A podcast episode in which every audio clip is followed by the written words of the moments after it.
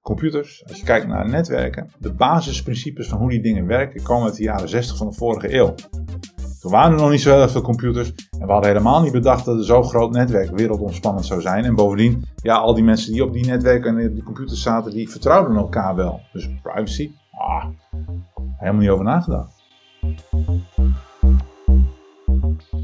Hallo en welkom bij Das Privé Discours, onze periodieke aflevering van de podcast waarin we de verdieping opzoeken met een gast uit de wereld van privacy. Vandaag bij mij Jaap Henk Hoepman.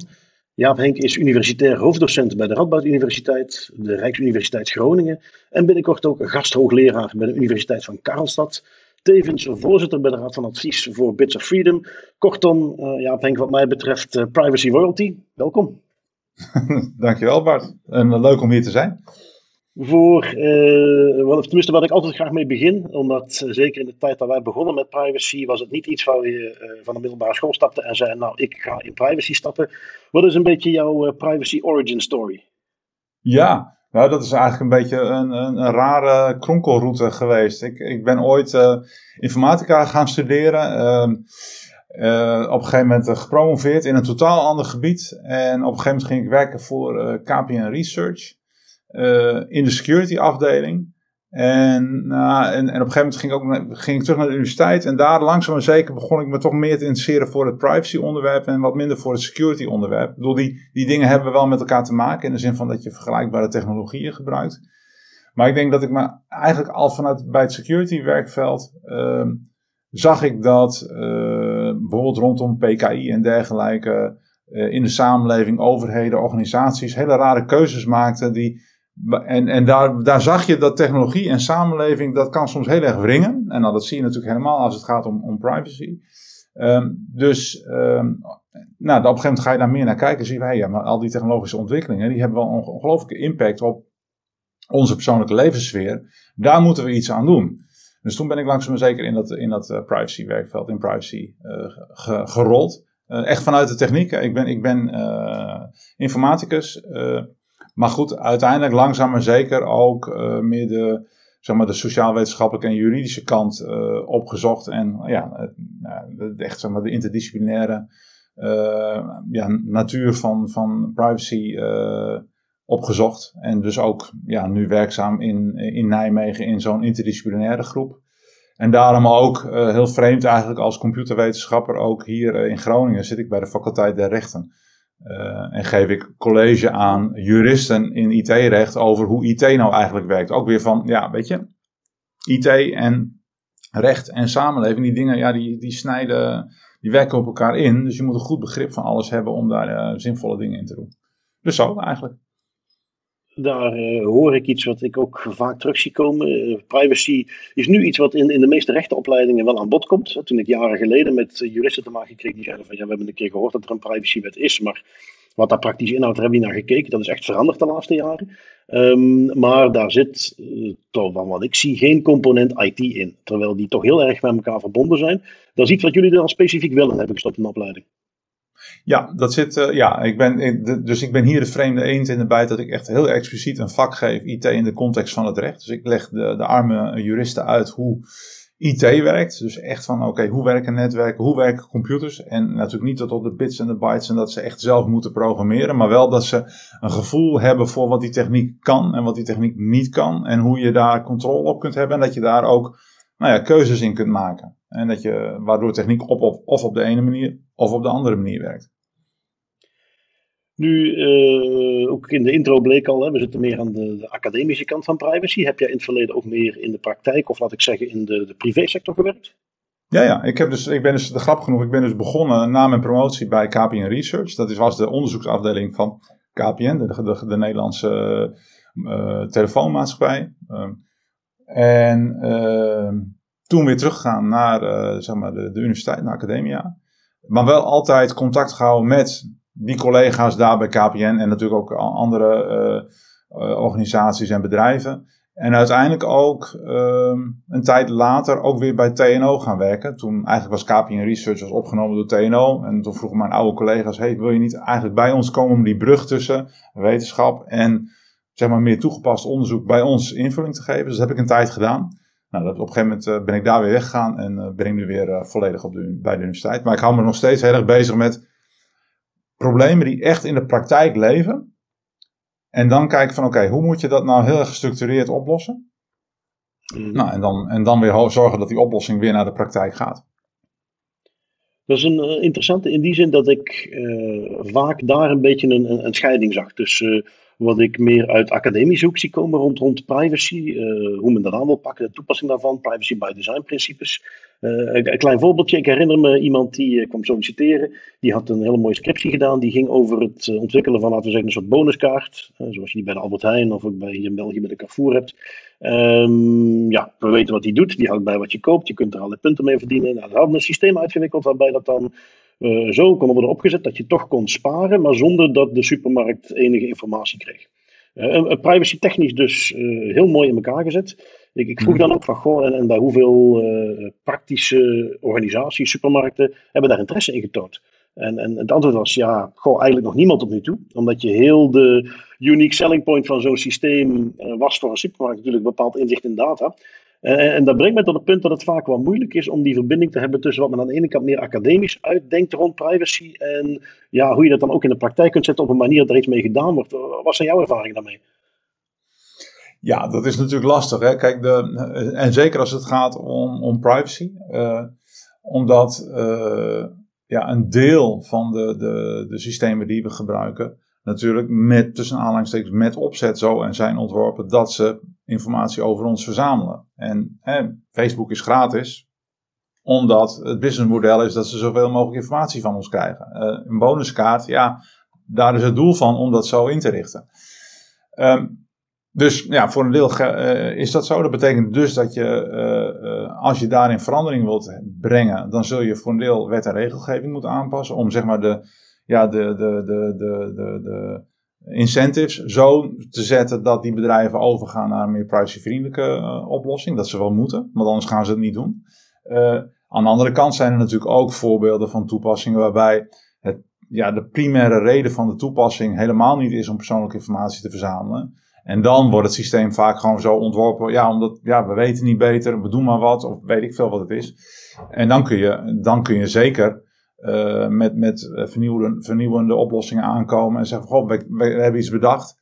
Wij zien jullie, jullie hebben een probleem. En vaak is dat, is dat ook gewoon zo. Hè? Vaak is het ook gewoon bedrijven die zeggen: Ja, uh, we willen eigenlijk dit en dit doen. Maar ja, hier zit op een gegeven moment de AVG in de weg. Hier zit op een gegeven moment in de weg dat wij persoonlijke gegevens gaan verzamelen als we dat op de min of meer voor de hand liggende manier doen. Hoe zouden we dat anders kunnen doen? Nou, dan kun je gaan helpen.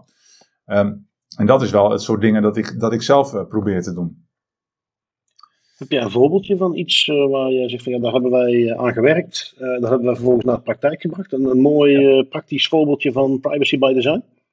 Ja, nou ja, een van de dingen die, die, die ik heb gedaan is uh, op een gegeven moment nadenken over inderdaad hoe kunnen we privacy by design nou concreet maken. Hè? De, de privacy by design is ooit, een keer, ooit zeg maar echt ja, op, op, in de markt gezet, zullen we maar zeggen, door, door Anke Voekjen, uh, de destijds privacy commissioner van Ontario, met haar zeven foundational principles.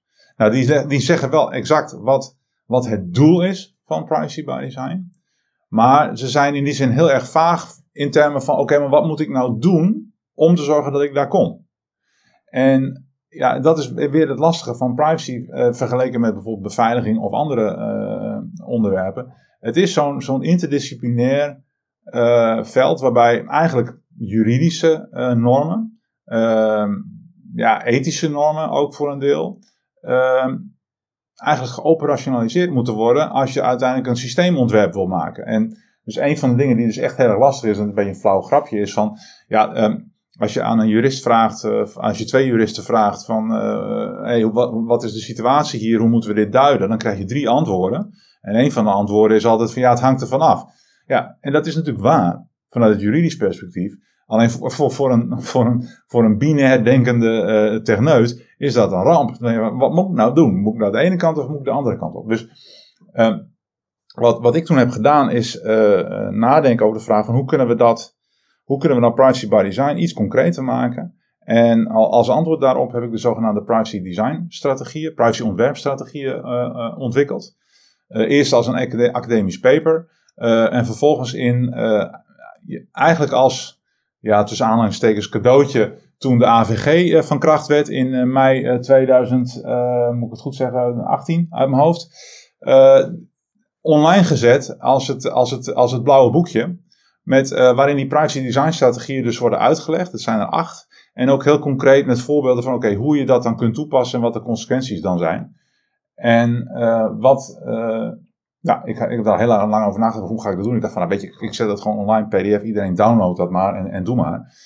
En uh, op een, een of andere manier is dat heel erg rondgegaan. Dus zo om de, of zoveel tijd hoor ik weer eens van iemand van, nou ja, die, dat, dat heeft echt gewoon ontzettend veel gedaan voor ons. Dus het is opgenomen in ISO-normen, het is opgenomen in de IAPP uh, Certification Guidelines, het is, opgenomen, het is opgenomen door de, sorry, de, de Spaanse dataprotectieautoriteit, de, de Noorse dataprotectieautoriteit als dit is een framework wat je kunt gebruiken om invulling te geven aan privacy by design. Nou, dat, dat, dat is gewoon hartstikke leuk dat dat dus, dus werkt, dat dat dus echt in de industrie, in de, in de, in de praktijk wordt toegepast. Ja, dat is ook wat ik uh, het meeste zelf hoor als we het dan hebben over privacy by design, of zoals het dan in de GDPR wat specifieker hebben genoemd, data protection by design. Van, ja, maar wat is dat dan? Hoe, hoe moet ik dat nu concreet maken? Vertel mij eens, uh, ik maak software. Wat moet ik dan privacy by design doen? En wat je zelf al aangeeft, helaas is het antwoord wel, dat hangt ervan af. Uh, afhankelijk van wat voor software je maakt, wat je doet met die gegevens, moeten we dat gaan bekijken. En, en, en inderdaad, want ik zei het daar straks in de intro ook al, ik heb ook de design strategies heel vaak gebruikt, omdat het inderdaad, en, dat is misschien ook waarom het in die zin een beetje viral is gegaan, er is bijna niks wat het wat concreter maakt. En, en dat is wat het heel erg is. Dus uh, dat is absoluut wat ik ook tegenkwam. Nu, dat is misschien een leuk bruggetje naar ook een van de redenen waarom ik jou graag even wilde spreken.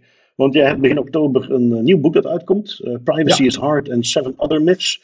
Ja. Um, wat mogen we daarvan verwachten? Hoe, hoe verhoudt zich dat tot een Little Blue Book? um, nou, eigenlijk is dat een, um, een tussen aanhalingstekens vervolg daarop.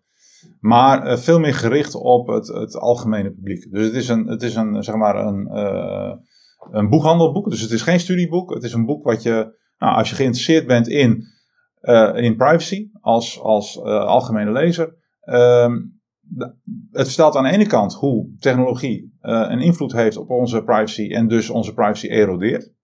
En het probeert ook heel erg het publiek uh, ja, het, het, inzichtelijk te maken. Hoe al die dingen die we gebruiken, als, we, als we boeken lezen, kranten lezen, als we op reis gaan, als we websites bezoeken, wat je ook doet, het is steeds meer gedigitaliseerd. En die dingen die vroeger nou, in, de, in de analoge uh, wereld eigenlijk geen sporen achterlieten, doen dat nu wel als je het digitaal doet. En ik probeer mensen daar een gevoel voor te geven. Van, hey, dit, dit, dit gebeurt dus. En als je goed kijkt, maar dan moet je leren kijken. Dan zie je het ook gebeuren. Dus mijn boek begint ook met een voorbeeld van dat ik op een gegeven moment een keer een, parkeergarage inreed. En uh, dat. Uh, uh, ik pak, een, ik pak een, kaartje eruit en uh, nou, ik ga. Uh, je, komt daar bij, bij, bij, bij een hek en je moet dan een ticket pakken en dan kun je naar binnen rijden. En uh, uh, nou oké, op een gegeven moment ben ik klaar. Ik ga betalen en ik rij naar de uitgang. En ik sta al klaar met dat kaartje om dat kaartje in het poortje te steken, want dat moest altijd. Maar dat ding ging al open. En ik denk van, hé? Wat gebeurt hier? Hoe kan dat? En, toen, op een gegeven moment, toen, en, en, toen zag ik die camera daar staan. En toen en keek ik inderdaad op het kaartje. En ik denk, hé, daar staat mijn kenteken op. En toen realiseerde ik mij dus dat bij het binnenkomen dat kenteken werd gescand en dat bij het uitgaan gecontroleerd wordt. Heeft dit kenteken betaald? Ja, oké, dan kan de poort open. Nou, dat, dat, dat kan natuurlijk, maar dat is dus wel een systeem dat plotseling mijn kenteken registreert en bewaart. En dat heeft in Nederland tot zeer interessante rechtszaken geleid, omdat de Belastingdienst dus informatie ging opvragen bij parkeergarages. Omdat in Nederland, en ik weet niet hoe dat, hoe dat in België is, maar privégebruik van een leaseauto is belastbaar. Tenzij je hem echt alleen maar als werkauto gebruikt. Maar ja, dan moet je niet op uh, zaterdag bij de IKEA gaan parkeren. Want dan is het, geen, dan is het privégebruik. Dus daar wordt dat dan voor gebruikt. Nou, zie je ook meteen van, oké, dat heeft dus meteen consequenties. Dus daar gaat het boek aan de ene kant over. En aan de andere kant gaat het boek dan over, oké, welke technologieën zijn er nou eigenlijk allemaal die je zou kunnen gebruiken om systemen privacyvriendelijker te ontwerpen. Nou, daar komen uiteindelijk helemaal aan het eind ook die privacy ontwerpstrategieën aan bod, maar dat is eigenlijk meer nou ja, om uh, echt voor systeemontwikkelaars. Maar waar dit, dit boek ook eigenlijk, ja, direct dan wel indirect uh, toe opgericht is, is om beleidsmakers, uh, politici, uh, ja, ehm, hoger kader management in, in bedrijven en organisaties bewust te maken van het feit dat er dus keuzes zijn. En dat je dus dingen op een privacyvriendelijke manier kunt inrichten door die technologie op een andere manier te ontwikkelen. Dus dat is eigenlijk heel grof de, het idee van het boek. En um, nou, de titel is inderdaad Privacy is Hard and Seven Other Myths. Dus de eerste mythe die dus eigenlijk uh, doorbroken, of de laatste mythe die doorbroken wordt, is dan, is privacy nou zo moeilijk? Nou nee, helemaal niet. Je moet het, is een kwestie van, je moet het gewoon doen. Ja, en dat is misschien, het is werk. Maar ja, er zijn zoveel dingen werk. Dat, is gewoon een kwestie van doen. En goed, andere, andere mythe is uh, bijvoorbeeld van, ja, maar we verzamelen helemaal geen persoonlijke data. Dat is, nu langzaam maar zeker begint dat wel door te dringen. Maar in zeker toen de AVG opkwam, was ja, maar daar hebben wij toch helemaal niks mee te maken. We ja, nee, ja, maar ja, je verzamelt wel IP-adressen. Ja, maar IP-adressen zijn toch geen persoonlijke data? Ja, nou, dus wel. Weet je, dus, die, uh, dus dat, uh, dingen als, um, uh, ja, we moeten altijd weten wie je bent. Dus ook zo'n soort mythe van als je kijkt naar hoe systemen worden ingericht, je moet altijd inloggen. Maar als je dan weer een stap terug doet en bijvoorbeeld kijkt naar van, hey, maar hoe kom ik mijn huis binnen? Hoe start ik mijn auto? Ja, dat is een sleutel. Dat, dat heeft niks met mijn identiteit te maken. Die auto hoeft niet te weten wie ik ben. Mijn huis hoeft niet te weten wie ik ben. Heel veel dingen hoef je helemaal niet te weten wie je bent. Je moet alleen weten of je gerechtigd bent om iets te doen. Heb je de sleutel van de auto? Ben je ouder dan 18? Ben je Nederlander? Ben je Belg? Al, al dat soort attribuut, eh, meer attribuut gebaseerde vormen van authenticatie is ook een voorbeeld van een technologie die je kunt gebruiken om systemen veel privacyvriendelijker te maken. Nou, dat, al die technologieën worden dan dus in, nou, wat we dan in het Nederlands Jip en Janneke taal noemen, net, ja, enigszins, uh, uitgelegd voor, een, voor een breed publiek. Denk ik een, een hele belangrijke in die zin uh, en uh, voor, de, voor, voor, de volledigheid. Dit gesprek is niet gesponsord. Ik heb jou gevraagd om deel te nemen, maar dit boek heb ik toch ook al gepre-ordered. Want dat is iets waar ik misschien nog wel het meeste werk in zie dat uh, voor juristen, mensen die de GDPR er vaak bij pakken, die de adviezen van een autoriteit lezen, is dat iets wat wel duidelijk is. En, en uh, als je de basisprincipes pakt van verwerking van persoonsgegevens, ja, uiteindelijk moet je die gewoon steeds toepassen. Dat is niet zo heel moeilijk. En toch merk ik vaak dat het complexe materie is. Uh, en waar ik dus denk dat de manier hoe je het in je boek aanpakt, daaraan bijdraagt om dat wat, wat simpeler te maken. Maar is het iets waarvan jij denkt van ja, we gaan daar altijd mensen nodig hebben die die vertaalslag maken? Of is het iets waarvan jij ziet, ja nee, we moeten dat zo simpel kunnen maken dat dat voor iedereen verstaanbaar is? Nou, je hebt, kijk, uiteindelijk als je systemen bouwt, heb je specialisten nodig om die systemen goed te bouwen. Maar, en dat is niet, weet je, dat geldt ook voor en je hebt database experts nodig, je hebt eh, security experts nodig, je hebt dus ook privacy experts nodig. Uh, wat wel een beetje een probleem is, ik had het laatst nog met een collega over, dat uh, eigenlijk, er worden, dat zie ik ook hier in de opleiding hier in Groningen, we, we leiden heel veel IT-recht specialisten op. En een deel daarvan wordt, wordt, wordt privacyrecht specialisten. Maar er zijn maar weinig opleidingen waarin specifiek privacy engineering skills uh, worden onderwezen. Dus inderdaad, wat jij net al zei van dat blauwe boekje. Ja, het is, het is volgens mij nog steeds eigenlijk het enige echt concrete wat er is. Uh, dat, en er zijn wel wat, nog wat specifiekere methodologieën. Linden bijvoorbeeld, die is ontwikkeld aan de KU Leuven. Uh, een groot project, heeft daar ook aan, aan bij te dragen. Dus langzaam maar zeker komt er wel wat. Maar zeg maar, qua mensen die uiteindelijk in de praktijk kennis hebben van die methodologieën en die kunnen toepassen, ja, dat zijn er maar heel erg weinig. En dat is een groot probleem. Want je, uiteindelijk is het in de praktijk zo, van als je een systeem wilt ontwikkelen, loop je al tegen allerlei dingen aan. Uh, dus het is niet nodig en ook niet realistisch om te zeggen van dat in ieder ontwikkelteam een aantal privacy specialisten zitten. Dat, dat, dat kan niet. Maar wat je wel zeg maar, nodig hebt in je organisatie is een, ergens een clubje of je dat nou een, een, een, of het een groep is of een clan, of als je, als je agile werkt, uh, waar, je, waar, je, waar je naartoe kunt gaan, die, die alle privacy expertise borgen en bijhouden. En je gaan helpen op het moment dat jij ergens in een design sprint met een privacy vraag zit. Maar dan moet je die mensen wel ook opgeleid hebben. En dat is, dat is nog wel een dingetje. Is het iets waar jij voornamelijk uh, bedacht hebt vanuit een, een IT-perspectief, het ontwikkelen van systemen? Ehm, oorspronkelijk wel, ja. Dus, dus het hele idee van, van de privacy ontwerpstrategieën was van... Je, je bent zelf bezig met het ontwerpen van een systeem. Wat moet je doen om het privacyvriendelijker te maken? Uh, na het verschijnen van het, van het eh, blauwe boekje... Uh, kwam ik in gesprek met mensen die zeiden van... Ja, maar wat moet ik nu doen als ik bijvoorbeeld niet zelf een systeem bouw? Dat is trouwens de gros van de organisatie natuurlijk. Maar ik, ik koop iets in. Wat moet ik dan doen? En toen zei ik ja, dat is een probleem. Maar toen ging ik op een gegeven moment wat verder praten met die mensen. En onder andere de Vereniging Nederlandse Gemeentes uh, heeft, heeft iets gedaan. Waarbij ze eigenlijk die privacy ontwerpstrategie hebben gebruikt als een soort uh, raamwerk om een, een, een soort inkoopproces in te richten. Oftewel, welke eisen moet ik stellen in een request for quotations of wat dan ook, of als je een bestek maakt, om uit te vragen van ik wil een systeem laten bouwen. Dus daar helpt het ook. En toen ik daar nog, nog wat langer over na ging denken, dacht ik ja, maar dit, dit, dit werkt in principe ook voor willekeurige processen. Als je kijkt naar die strategie, strategieën, dan zijn ze zo generiek dat ja, je kunt ze ook toepassen voor, organisatie, uh, voor, uh, voor organisatieprocessen, businessprocessen, even onafhankelijk van de vraag of daar IT tussen ligt.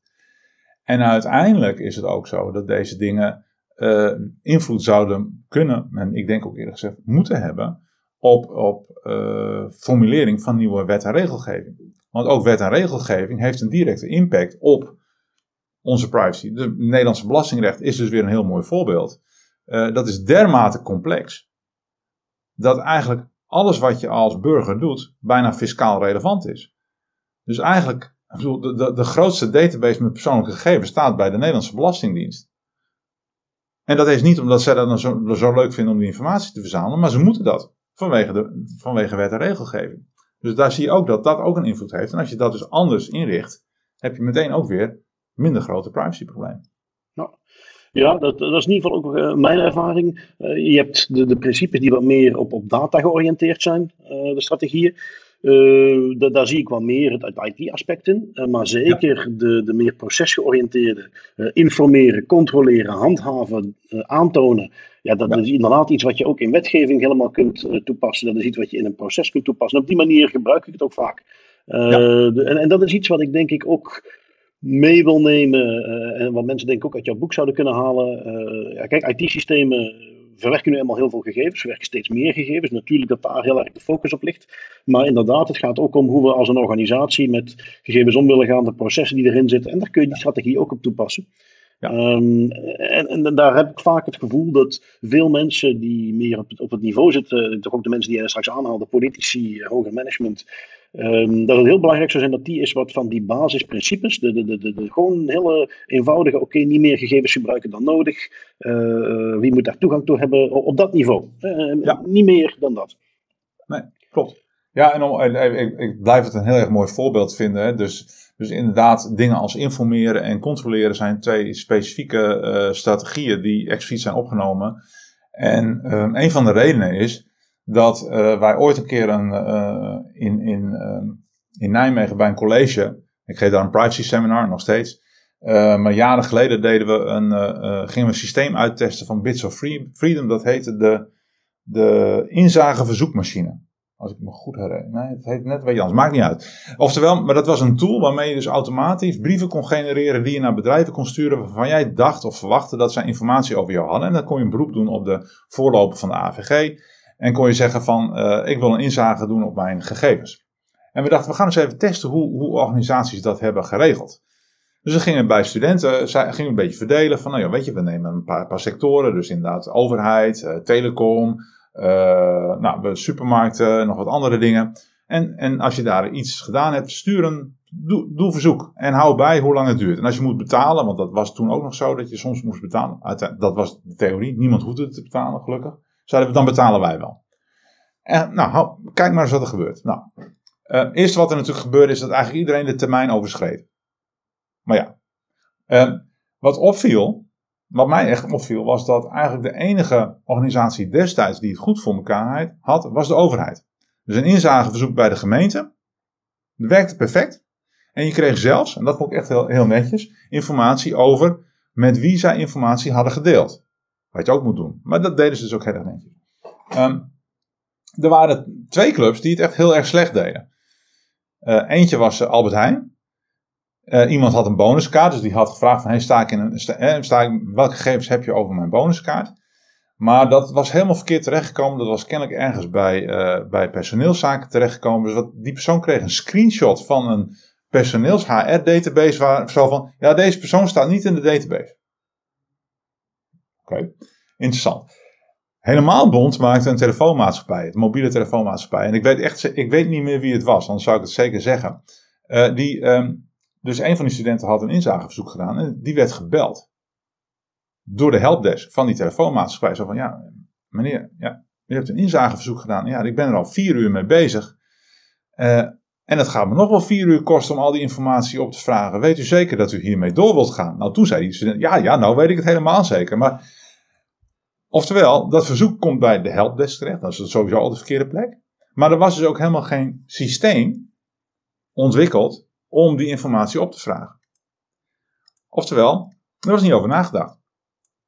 Nou, dat is dus een van de redenen om zo'n informstrategie expliciet op te nemen, is om te zorgen dat je dus inderdaad een nou, nu hebben al die telefoonmaatschappijen hebben dat, hè? My T-Mobile, My Vodafone, My, My uh, Belgacom of weet ik veel hoe het heet. Dan kun je meteen zien, min of meer alles wat je zou moeten zien. Daar kun je nog over discussiëren, maar weet je, daar is over nagedacht.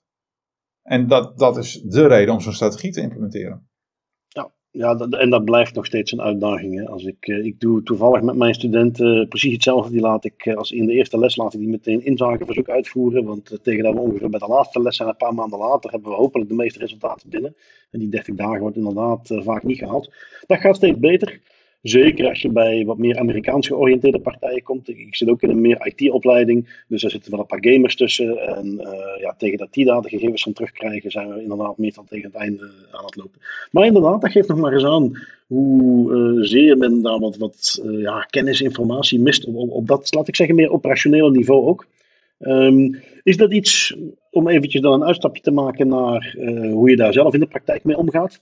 Uh, Jaap, Henk en social media. Uh, is dat iets waar jij ver uit de buurt blijft? Uh, gebruik je dat? Op wat voor manier let je daar meer op dan, dan gemiddelde? Ja, ik, kijk, um, ik maak daarin bewuste keuzes. Alleen mijn bewuste keuze is niet om helemaal terug te trekken en helemaal onzichtbaar te zijn. want ja, een deel van, van wat ik doe is ook juist ja, zeg maar een soort evangelisering van ik wil vertellen over waarom privacy belangrijk is. Dus ik wil mezelf positioneren. Dus ik heb een uitgebreide website met zeer, zeer veel informatie over mijn eigen persoonlijke voorkeuren en dergelijke. Ik zit op Twitter, ik zit op LinkedIn. Um, ik heb ook een account op Facebook. Maar dat is een, een, totaal slapend account. Ik weet niet eens of je nog kunt vinden, maar maakt niet uit. Ik, volgens mij heb ik twee of drie connecties.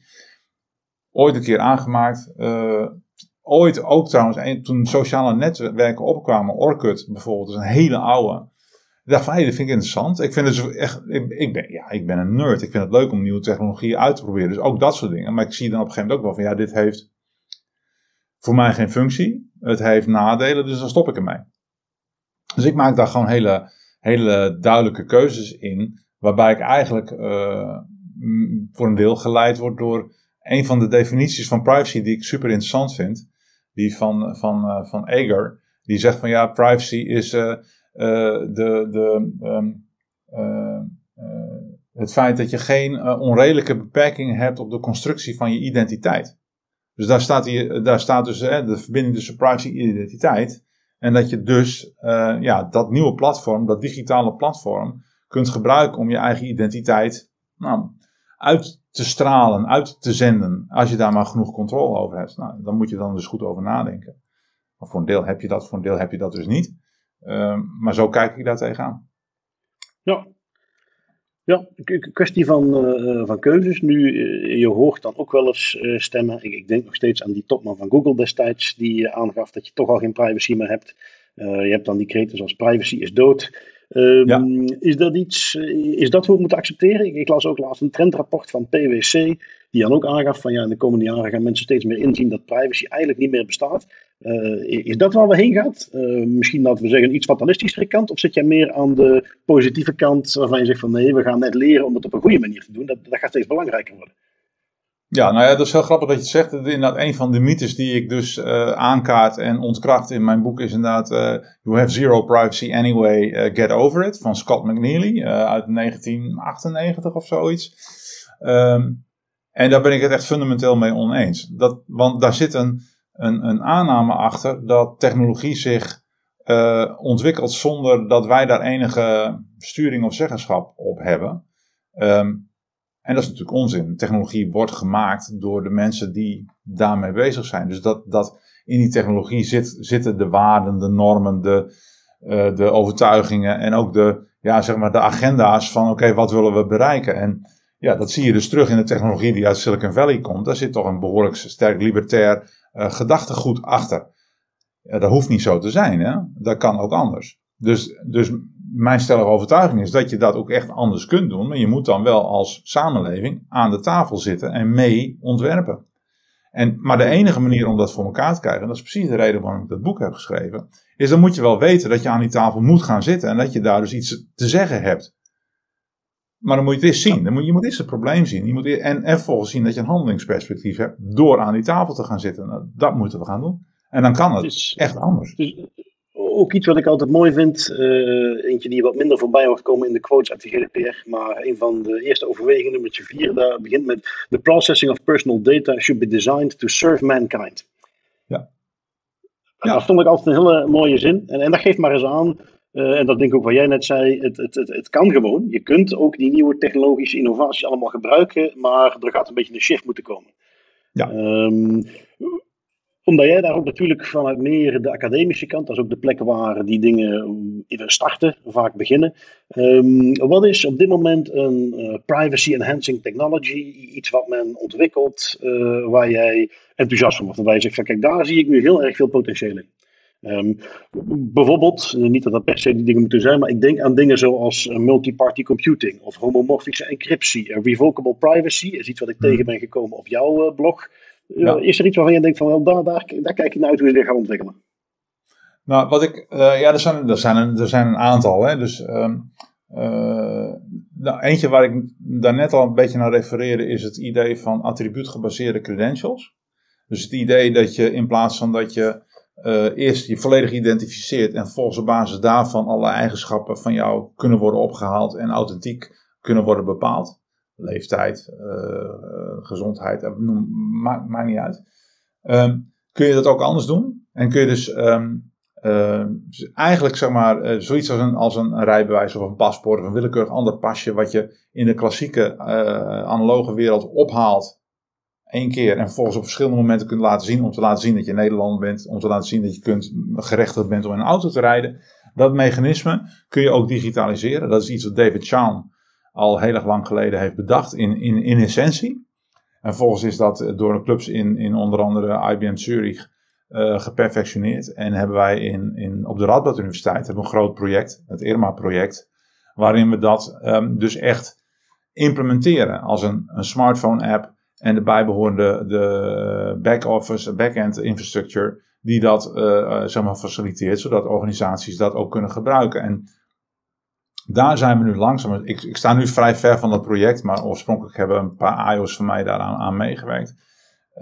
Da, daar proberen, probeert die projectgroep nu uh, om ja, echt markten te, te, genereren. Dus inderdaad overheden uh, over te halen, bepaalde organisaties over te halen, bepaalde markten open te breken waar dat zou kunnen werken. En dat, ja, dat is, dat is een lang, lange weg, maar ik zie daar zeker mogelijkheden in. Ook Gezien het feit dat bijvoorbeeld in, op Europees niveau uh, nu gepraat wordt over een update van de, de Europese verordening rondom identiteit. Uh, ja, daar moet iets mee. Uh, en dan kan het maar beter attribuut gebaseerd zijn, want dan heb je in ieder geval een basale vorm van privacybescherming ingebouwd. Daar moet nog wel veel meer gebeuren om te zorgen dat het een goede kant op gaat, maar dat is even een andere discussie. Een andere hele interessante vind ik toch, um, en zonder daar meteen als een Apple fanboy te, te klinken, uh, de, de aankondiging van Private Relay. Waarbij uh, Apple samen met een, uh, een Content Delivery Network eigenlijk een soort mini Tor-achtig systeem opbouwt. Nou, hoe dat allemaal technisch werkt is niet zo heel erg.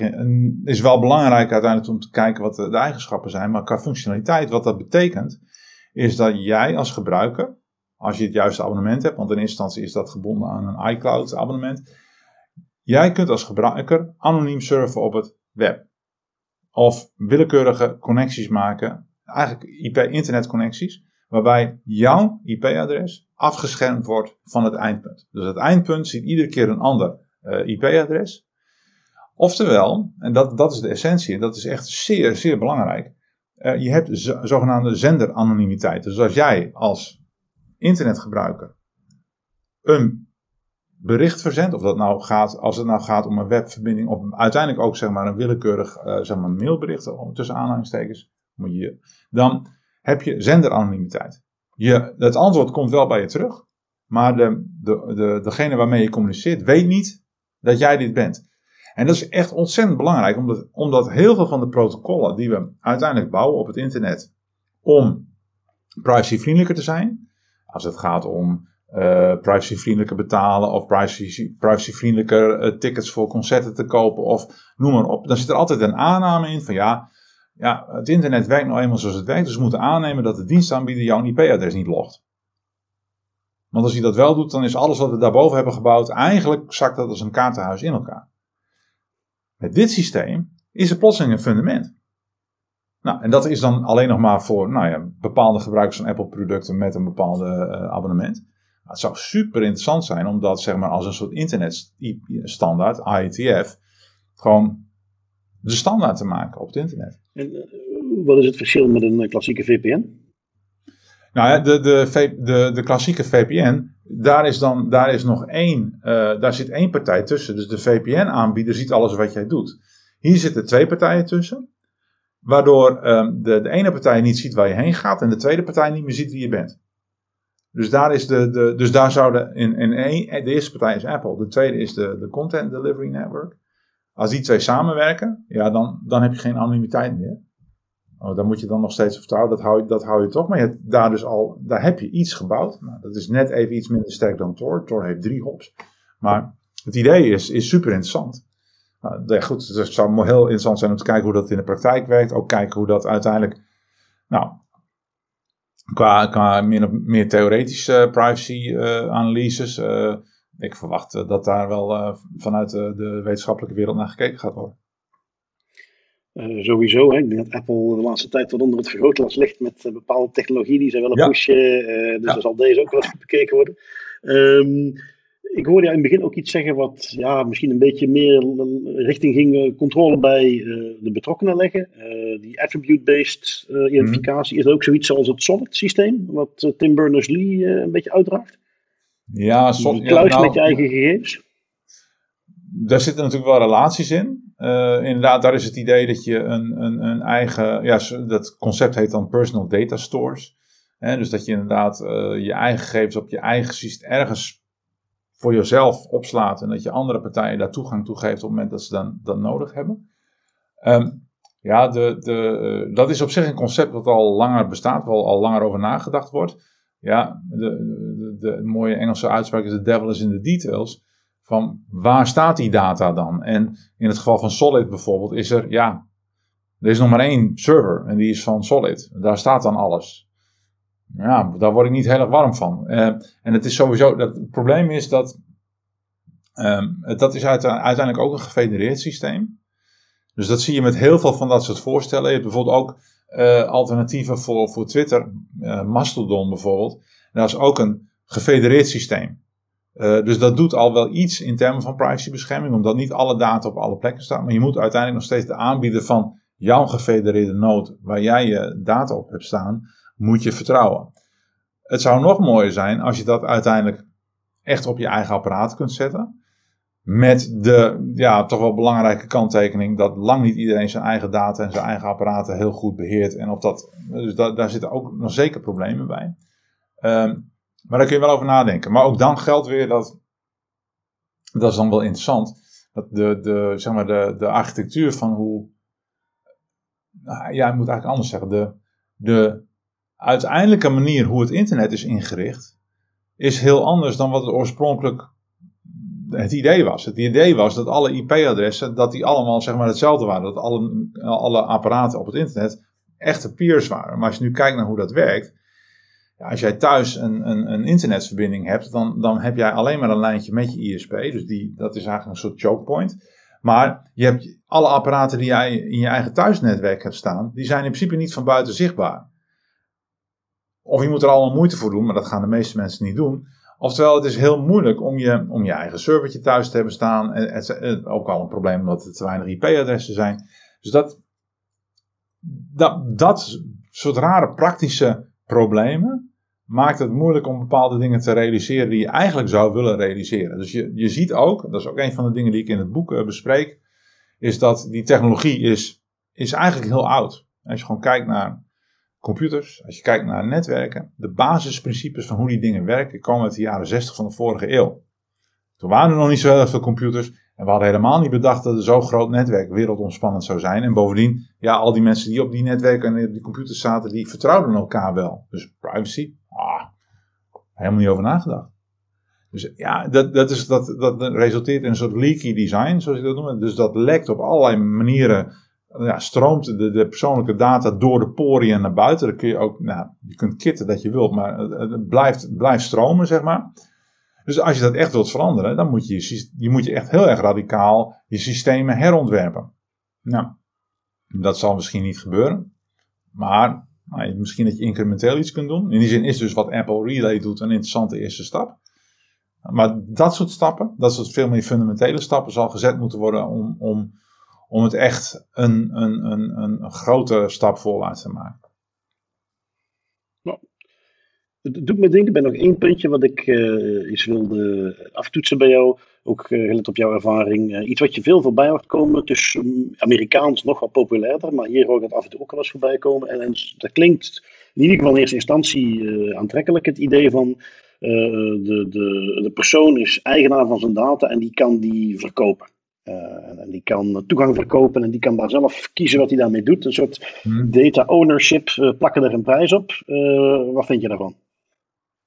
Ja, ik denk dat dat een, een heel erg onzalig plan is, eerlijk gezegd. Het, is, het doet geen recht aan het feit dat privacy niet alleen een individueel recht is, maar ook een, een van, van maatschappelijk belang is. Hè? Dus dingen als een democratische samenleving heeft een bepaalde mate van privacy nodig om te zorgen dat die dingen die nu onbespreekbaar zijn, uiteindelijk bespreekbaar worden. Denk aan, aan eh, stemrecht voor vrouwen, denk, denk aan homorechten en dergelijke. Dat, je moet in eerste instantie een ruimte hebben waarin dat soort dingen veilig besproken kunnen worden. Oftewel, daar heb je privacy voor nodig en dat is ook een maatschappelijk belang. Ten tweede uh, is het, uh, gaat het volstrekt voorbij aan de, aan de, de, de machtsinbalans tussen het individu en de organisatie die probeert zijn data te krijgen. Dus als je er al voor betaald wordt, dan is het grijpstuiver. En dan nog, weet je, dus dat, nee, dat, dat, dat gaat in mijn ogen totaal niet, niet werken. Dat zou een heel slecht idee zijn. En de, een van mijn, mijn problemen met nou, hoe, hoe nu de informatiemaatschappij wordt ingericht, is ook dat het hele concept van solidariteit uh, ondergraven wordt. Hè. Op het moment dat jij uh, op jouw individuele situatie afgestemde uh, verzekeringen hebt of iets dergelijks, ja, dan is het hele basisprincipe van verzekeren, namelijk een solidariteitsprincipe, is verdwenen. Nou, dat, dat, die kant moeten we niet opgaan, is mijn, mijn persoonlijke overtuiging. Maar dat gaat verder dan alleen privacy, dat is ook voor een deel een politieke standpunt. Dat is overigens ook iets wat, je, wat ik in ieder geval steeds meer terug zie komen, dat, dat privacy ook meer de kant van ethiek opgaat. Dat dingen die ook in de GDPR stonden, het fairness-principe is iets wat nu steeds meer voorbij wordt te komen. Van, iets wat men ook misschien vaak wel in vergist, het verschil tussen privacy en, en wat er in de GDPR staat, gegevensbescherming. Op het moment dat iets wettelijk kan of er is toestemming, ja, dan, dan is het wettelijk gezien misschien geen probleem meer, maar dat maakt het nog niet wenselijk vanuit een privacy standpunt. Ja, ook dat. Ja, nee, goed. Dat, dat, dat is, dat, er is een ontzettend groot verschil tussen privacy en, en gegevensbescherming. Uh, wat jij net zei, dat, dat inderdaad uh, uh, discours een beetje verplaatst naar ethiek. en dus je krijgt dus nu ook al mensen die nadenken over ethisch ontwerpen. Dus ethics by design. Um, wat, wat wel lastig is, is dat je nu ziet dat, dat in ieder geval gegevensbeschermingsrecht uh, in zekere zin wordt opge opgerekt voor een deel om allerlei andere ja, uh, dingen die we zien in de samenleving waarvan we vinden dat het eigenlijk een beetje anders zou moeten, om dat daaronder te laten vallen. Ja, als je dat gaat doen, dan krijg je een soort ja, een recht van alles, wat uiteindelijk een recht van niks is. Dus ik denk dat dat, uiteindelijk moet je daarna gaan kijken, zo oké, maar dit, is, dit is zeg maar datgene waar, waar gegevensbescherming over gaat. En als er dan andere dingen zijn, dan moeten we dat op een andere manier reguleren. Nou, dat gebeurt natuurlijk al voor een deel als het gaat om de regulering van kunstmatige intelligentie, algoritme en dergelijke. Discriminatie, ja, dat moet je niet allemaal onder AVG proberen te hangen. Dat, dat, dat gaat niet passen. Waar men dan wel weer, geloof ik, eh, de handhaving daarvan weer bij de autoriteiten persoonsgegevens eh, wilt gaan stoppen. Ja, nou dat is dan weer heel cynisch. Hè? Dat, dat, dat is dan jammer. Ja, nee, dat, nee, ja goed, dat dat, dat is natuurlijk dat is in mijn optiek een groot probleem. En de handhaving van de AVG, dat, dat, heeft, dat heeft nog niet genoeg tanden. Nog niet, dat is nog niet sterk genoeg. En een van de dingen die mij wat dat betreft ook wel zorgen baart, is dat het hele ja, een van de fundamenten van de AVG is doelbinding. Uh, maar er is eigenlijk nooit echt een hele duidelijke fundamentele discussie over de vraag welk doel nou legitiem is en welk doel nou niet legitiem is in een bepaalde in een samenleving. Dat is ook heel moeilijk, want dat is, dat, dat is bijna niet, dat is ook niet juridisch, vastgelegd. Dat is eigenlijk meer ethisch, een ethische discussie. Maar die moet je wel hebben, want anders valt toch een deel van het fundament onder de AVG eh, weg. Dus dat is dan wel weer lastig. Ja, dat is iets wat men misschien gewoon van zegt van ja, dat, dat doel, uh, hoe, hoe, je daartoe komt, uh, dat is iets uiteindelijk, als er een bepaalde wettelijke basis is, daar komt het dan vaak vandaan. Dan heb je een systeem van een parlement, een democratie, die daar samen over na moeten denken, die, die daar ook de juiste afwegingen moeten maken. En tegen dat dat dan helemaal tot een wet is gekomen, ja, dan, dan hoort dat in orde te zijn. Maar dat strookt misschien niet helemaal met de praktijk. Nee, nou, nee, klopt. Dus dat, maar dat is dan inderdaad als het gaat om overheids, uh, de verwerking van, informatie, van gegevens door overheden. Dat, dat je, zie je inderdaad ook dat op een gegeven moment ja, uh, bepaalde overheidsorganen verzamelen informatie. En dat is dan niet in overeenstemming met de AVG, omdat er niet juridische grondslag en juridische noodzaak voor is. Dan is inderdaad de, de, soort ja, de reflex is niet van hé, hey, maar waarom verzamelen we deze informatie eigenlijk? Maar is de reflex, oh, we moeten een wet maken zodat het mag. Nou ja, dat, dat, dat is misschien niet meteen de, de, de, de meest voorhand liggende uh, reactie. Uh, waar ik meer op doelde was de, de, de legitieme grondslag van, uh, van een legitiem uh, belang voor bedrijven. dus, dus waar, wanneer, is, um, wanneer is iets een, echt een, een, een, een, een legitiem belang? Ja, daar kun je ook nog wel eens een discussie over hebben. Dat is lastig. Maar het is wel noodzakelijk om te zorgen dat de AVG echt genoeg tanden heeft om echt bescherming te bieden. Dat gaat wel een stukje gerechtvaardig belang wat erin zit als, als ja, grondslag. Ja, ja, ja. ja, Iets wat nu voorzien is eigenlijk, kan bijna alles een gerechtvaardig belang zijn. En, en, ja. en gaat de kunst hem zitten in de afweging ten opzichte van jouw belang versus het belang van de betrokkenen. Precies. Dat is overigens iets waar ik in de praktijk van zie. In Engeland lijken ze daar soms iets verder mee te zijn. Want uiteindelijk, iedere keer als een organisatie dat gerechtvaardig belang inroept, dan moeten ze daar ergens een gedocumenteerde belangenafweging gemaakt hebben. Dan horen ze die oefening gemaakt te hebben. Wat is ons belang en hoe verhoudt zich dat tot de verwachtingen, tot de rechten van een individu? En dat, dat zie ik heel vaak dat dat uh, niet gedaan is, die oefening. Nee, nee precies. Nou ja, dat, dat zou in, denk ik meer moeten. Uh, maar goed, dat is dan eigenlijk weer een, dat is meer een, dat is meer een juridisch onderwerp. Maar ja, je ziet daarin dus wel weer dat al die verschillende dingen in elkaar grijpen en belangrijk zijn om uiteindelijk te zorgen dat we uiteindelijk naar een samenleving toe gaan waarin privacy wel uh, goed beschermd is. En ja, in die zin ben ik tussen aanhalingstekens gematigd optimistisch. In de zin van, ik zie dat het kan. Dat is het probleem niet. Uh, nu is het een kwestie van willen. we gaan het zien. Absoluut. En uh, op die noot sluit ik graag af, want dat is iets waar hoe ik er zelf ook in sta. Uh, van, kijk, het kan op de goede manier. Innovatie, technologie hoeft helemaal niet geremd te zijn. Uh, we moeten daar misschien een beetje omslag maken. En ik hoor bij jou toch ook die positieve noot dat het prima kan. En dat we dat de komende jaar gewoon moeten gaan doen. ik zou zeggen, Jaap Henk, heel hartelijk dank voor jouw tijd. En uh, ik kijk er ook naar uit om uh, het boek te lezen. En voor de rest, wel, het is een klein wereldje. Wellicht kom ik je binnenkort nog eens tegen. Dankjewel. Ja, wie weet. En uh, Bart, dankjewel voor de uitnodiging en voor dit interessante, leuke gesprek.